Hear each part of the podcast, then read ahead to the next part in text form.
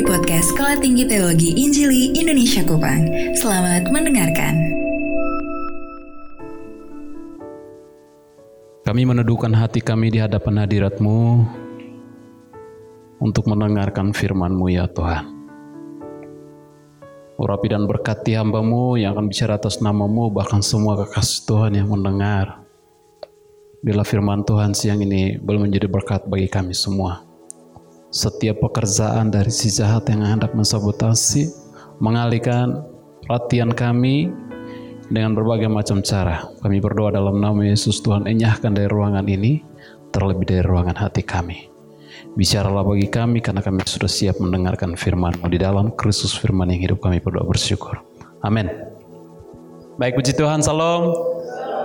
Coba lihat di kiri kananmu, kalau ada yang beda prodi suruh dia pindah. Tidak ada ya? Berarti jelas. Nanti di minggu-minggu depan juga harus seperti ini. Kalau ada yang berbeda, pindah. Yang pertama. Yang kedua, kalau ada yang berbeda warna, bilang. Nanti minggu depan tolong kau ganti. Ilahi ada kok. Ah, pulang-pulang terus. Oke baik. Uh, mari kita sama-sama membaca satu bagian firman Tuhan yang saya siapkan untuk kita sama-sama belajar dari pas kejadian pasal 39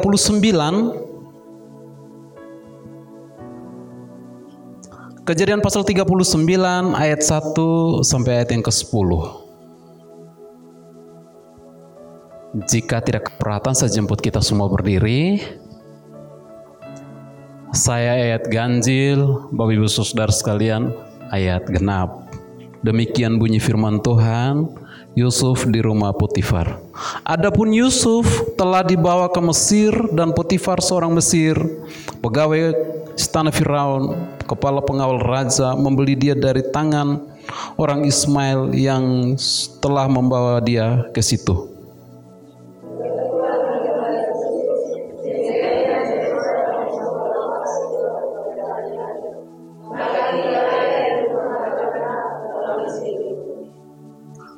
Setelah dilihat oleh tuannya bahwa Yusuf disertai Tuhan dan bahwa Tuhan membuat berhasil segala sesuatu yang dikerjakannya,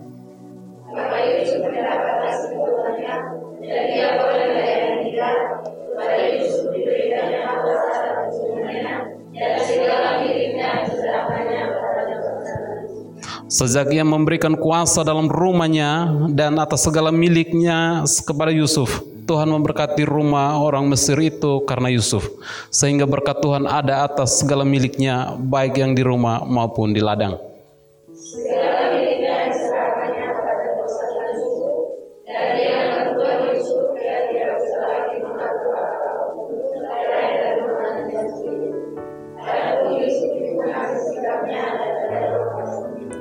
Selama beberapa waktu istri tuannya memandang Yusuf dengan birahi lalu katanya, marilah tidur dengan aku.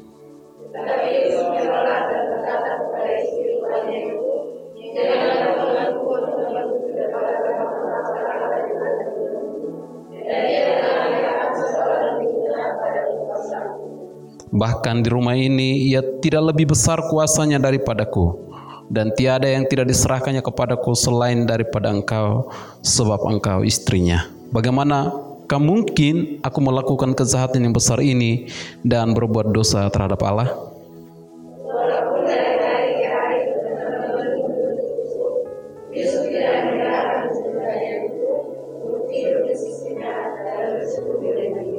Ya, demikian jawab bacaan firman Tuhan bagi kita. Silakan duduk. Salam. Baik Bapak Ibu Saudara kekasih Tuhan, dari bacaan kita pada siang hari ini saya beri tema kualitas hidup hamba Tuhan. Bicara kualitas seperti bicara mutu. Bicara sesuatu yang memiliki nilai jual yang besar. Kalau dalam konteks ini kita bicara hamba Tuhan, maka hamba Tuhan harus menunjukkan kelasnya ke mana dan di mana pun dia berada. Bapak Ibu Saudara kasih Tuhan, kalau kita perhatikan kejadian pasal 39, maka dalam bagian ini kita akan belajar dari sosok seorang muda namanya Yusuf. Kejadian 37 ayat yang kedua berkata bahwa tak kala Yusuf berusia 17 tahun. Inilah riwayat keturunan Yakob, Yusuf tak kala berusia 17 tahun, jadi masih muda, biasa mengembalakan kambing domba bersama-sama dengan saudara-saudaranya dan anak-anak Bilha dan Silpa, kedua istri ayahnya, dan Yusuf menyampaikan kepada ayahnya kabar tentang kejahatan saudara-saudaranya. Nah, kalau kita lihat di sini bahwa ketika Yusuf ada dalam sebuah pergumulan yang sebenarnya sangat berat. Oleh karena menghadapi suatu situasi tidak lagi di tengah-tengah rumah ayah dan saudara-saudaranya. Tetapi kali ini dia ada di tempat yang jauh, terpisah dari keluarga dan saudara-saudaranya. Usianya masih sangat belia, yaitu 17 tahun. Tetapi menarik di sini adalah bahwa Yusuf menunjukkan sesuatu yang sangat berbeda atau Yusuf menunjukkan kelasnya kendati berpisah dari saudara-saudaranya, keluarganya, tetapi Yusuf berbeda dari anak-anak muda yang lain. Hal pertama menarik dari sini sekalipun Yusuf berpisah dari keluarganya, tetapi dia terpisah, tidak terpisah dengan Tuhan. Yang pertama, Yusuf baik dengan Tuhan. Oleh karena Yusuf menunjukkan sikap, menunjukkan kelasnya mak, lewat perbuatan, tindak tanduk dan seluruh yang dia lakukan. Maka di sini Alkitab berkata ayat yang kedua, Tuhan menyertai Yusuf. Ayat yang ketiga, Tuhan membuat berhasil segala yang dikerjakan oleh tangan. Maka dengan demikian yang semua yang terjadi karena Yusuf memiliki hubungan yang baik atau Yusuf membangun hubungan yang intim dengan Tuhan setiap hari. Kendati dia ada di tengah-tengah orang-orang yang tidak seiman dengan dia, tetapi Yusuf tetap menunjukkan sikap yang berbeda dengan saudara dengan orang-orang yang ada. Bayangkan seorang anak muda yang masih berusia 17 sebuah tekanan oleh karena sebuah iri hati maka dia harus dilemparkan jauh. Tapi dalam bagian ini Yusuf berbeda dengan orang-orang yang ada di sekitarnya. Sekalipun dia tinggal di negeri orang kafir, tetapi hidupnya tidak kafir. Hidupnya tetap berpadanan dengan apa yang dia lakukan di negerinya. Ini hal yang menarik dari bacaan ini. Bagaimana dengan kita? Kalau Yusuf saja bisa melakukan maka saya percaya bahwa kita pun melakukan hal yang demikian dengan terus membangun hubungan intim dengan Tuhan tiap-tiap hari. Bapak Ibu, Saudara, kekasih Tuhan, kita ada di penghujung minggu dan akan kembali ke komunitas pelayanan kita. Dari mana kita datang? Saya selalu bilang, kalau dari mana kita datang, kembalilah ke komunitas kita. Dan kita belajar dari Yusuf dalam semua hal yang dikerjakan oleh itu Yusuf Tuhan membuat berhasil. Oleh karena Tuhan menyertai Yusuf. Itu hal yang pertama. Yang kedua yang menarik yang kita belajar dari Yusuf adalah bahwa Yusuf diberi kepercayaan oleh majikannya kita bisa bayangkan, kita bisa sedikit berpikir bahwa bagaimana mungkin dia seorang pendatang yang tidak seiman, yang tidak sebangsa dengan uh, majikannya, tapi dalam bagian ini dia diberi kepercayaan penuh atas miliknya di rumah di luar rumah kecuali istri Potifar. Menarik Bapak Ibu Saudara kasih Tuhan. Saya ketika membaca bagian ini sebagai seorang muda memiliki hasrat gazolak yang sangat tinggi ketika diberi kepercayaan untuk menguasai semua. Bisa saja Yusuf memanfaatkan kesempatan itu untuk mendapatkan keuntungan. Tetapi justru Yusuf tidak melakukan bagian itu. Kita baca ayat 5, ayat yang keempat sampai ayat yang keenam di sana dikatakan bahwa Yusuf mendapatkan kasih dari tuannya dan semua yang dikerjakan oleh Yusuf dibuat berhasil. Alkitab berkata bahwa di sana semua karena Yusuf. Mengapa karena Yusuf? ayat pertama tadi karena Yusuf membangun hubungan yang baik dengan Tuhan. Saya percaya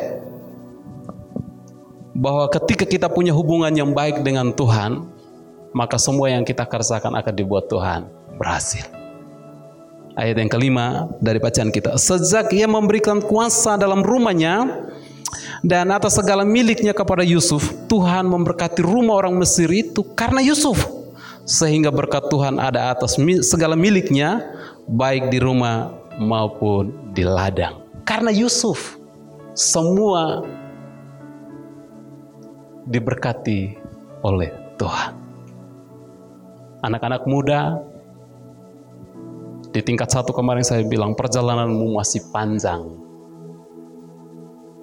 Karena perjalanan masih panjang maka bagaimana engkau berusaha menunjukkan kelasmu mulai dari hari ini. Tunjukkan kualitasmu di basic mana Anda mau melakukan bagian untuk Tuhan. Catatan yang terakhir dari renungan ini. Ayat yang ketujuh sampai ayat yang ke-10 Yusuf tidak kompromi dengan dosa. Ayat yang ketujuh, Selama beberapa waktu istri tuannya memandang Yusuf dengan birahi lalu berkata, marilah tidur dengan aku. Tapi ayat 8 berkata, tetapi Yusuf menolak dan berkata kepada istri tuannya itu, dengan bantuanku, tuanku itu tidak lagi mengatur apa yang ada di rumah ini dan ia telah menyerahkan segala milik pada kekuasaanku. Bahkan di rumah ini ia tidak lebih besar dari kuasanya daripadaku dan tidak ada yang tidak diserahkannya kepadaku selain daripada engkau sebab engkau istrinya. Bagaimana mungkin Yusuf mengingat semua kebaikan yang dilakukan tuannya kepadanya? Saya orang alor kurang lebih 20 tahun. Dan kalau saya berhasil itu hanya karena kemurahan Tuhan. Dan satu hal yang saya selalu ingat bahwa kalau kita hutang harta dibayar harta. Hutang nyawa dibayar nyawa. Tetapi satu yang kita tidak bisa bayar, hutang budi. Kita tidak bisa bayar sampai kapan pun. Karena itu kalau ada pernah orang pernah berbuat baik kepada kita, kita tidak bisa membayar itu. Dan karena itu sebagai rasa terima kasih Yusuf kepada majikannya dia tidak mau melakukan dosa. Sederhananya begini, kadang-kadang kita sudah terlalu terima banyak dari Tuhan. Kalau kita mau hitung-hitung, tidak bisa kita bayar. Nyawa saja dia berikan kepada saya dan saudara. Lalu apa yang mau kita beri? Apa yang mau kita balas? Tidak ada kecuali kita telah menjaga hidup kita untuk tidak terkontaminasi dengan saat-saat lain. Kita harus jujur bahwa kita masih ada di tengah-tengah dunia yang penuh dengan pergumulan. Tapi satu hal kita harus sadar bahwa saya hamba Tuhan. Pendidikan boleh tinggi, tetapi kalau karakter hidup kita tetap rusak, maka itu tidak akan menunjukkan kelas itu. Maka dari bacaan atau renungan singkat pada siang hari ini, mari kita belajar dari Yusuf. Sekalipun dia orang muda, sekalipun dia hidup terpisah dari keluarganya, pisah dari negerinya, ada di sebuah tempat yang jauh dari komunitasnya, persekutuannya, keluarganya, tetapi dia berbeda dengan orang-orang yang ada di sekitarnya. Kadang-kadang kita berbeda dari orang-orang di sekitar karena kita melakukan sesuatu yang memuliakan Tuhan, tidak jadi soal. Kalau kita ada di tengah-tengah komunitas lalu kita berbeda karena kita berbuat jahat tersendiri orang lain in satu lain. Karena itu di kesempatan ini di penghujung minggu ini saya mau mengajak kita, teman-teman mahasiswa, mari lakukan sesuatu memuliakan Tuhan. Dengan apa? Pertama, belajar dari Yusuf, membangun hubungan dengan Tuhan. Ketika orang lain sibuk dengan kesibukan mereka, mari kita tunjukkan dengan kita bangun pagi, memulai sebelum memulai segala aktivitas ambil waktu dengan Tuhan. Bukan karena dipaksa, eh ibadah pagi, ibadah pagi. Tetapi sebelum melakukan ibadah pagi, kita sudah harus lebih dahulu membangun hubungan kita dengan Tuhan. Mengakhiri malam semua orang sudah tidur, bangun kita dengan Tuhan. Maka yang kedua, yang kita belajar dari Yusuf adalah bahwa kita mendapatkan kepercayaan dari orang-orang yang ada di sekitar kita. Mungkin kita tidak sesuku, sebangsa, setanah air. Tapi orang bisa mempercayakan kita untuk lakukan ini dan itu karena Tuhan. Bukan karena kita baik.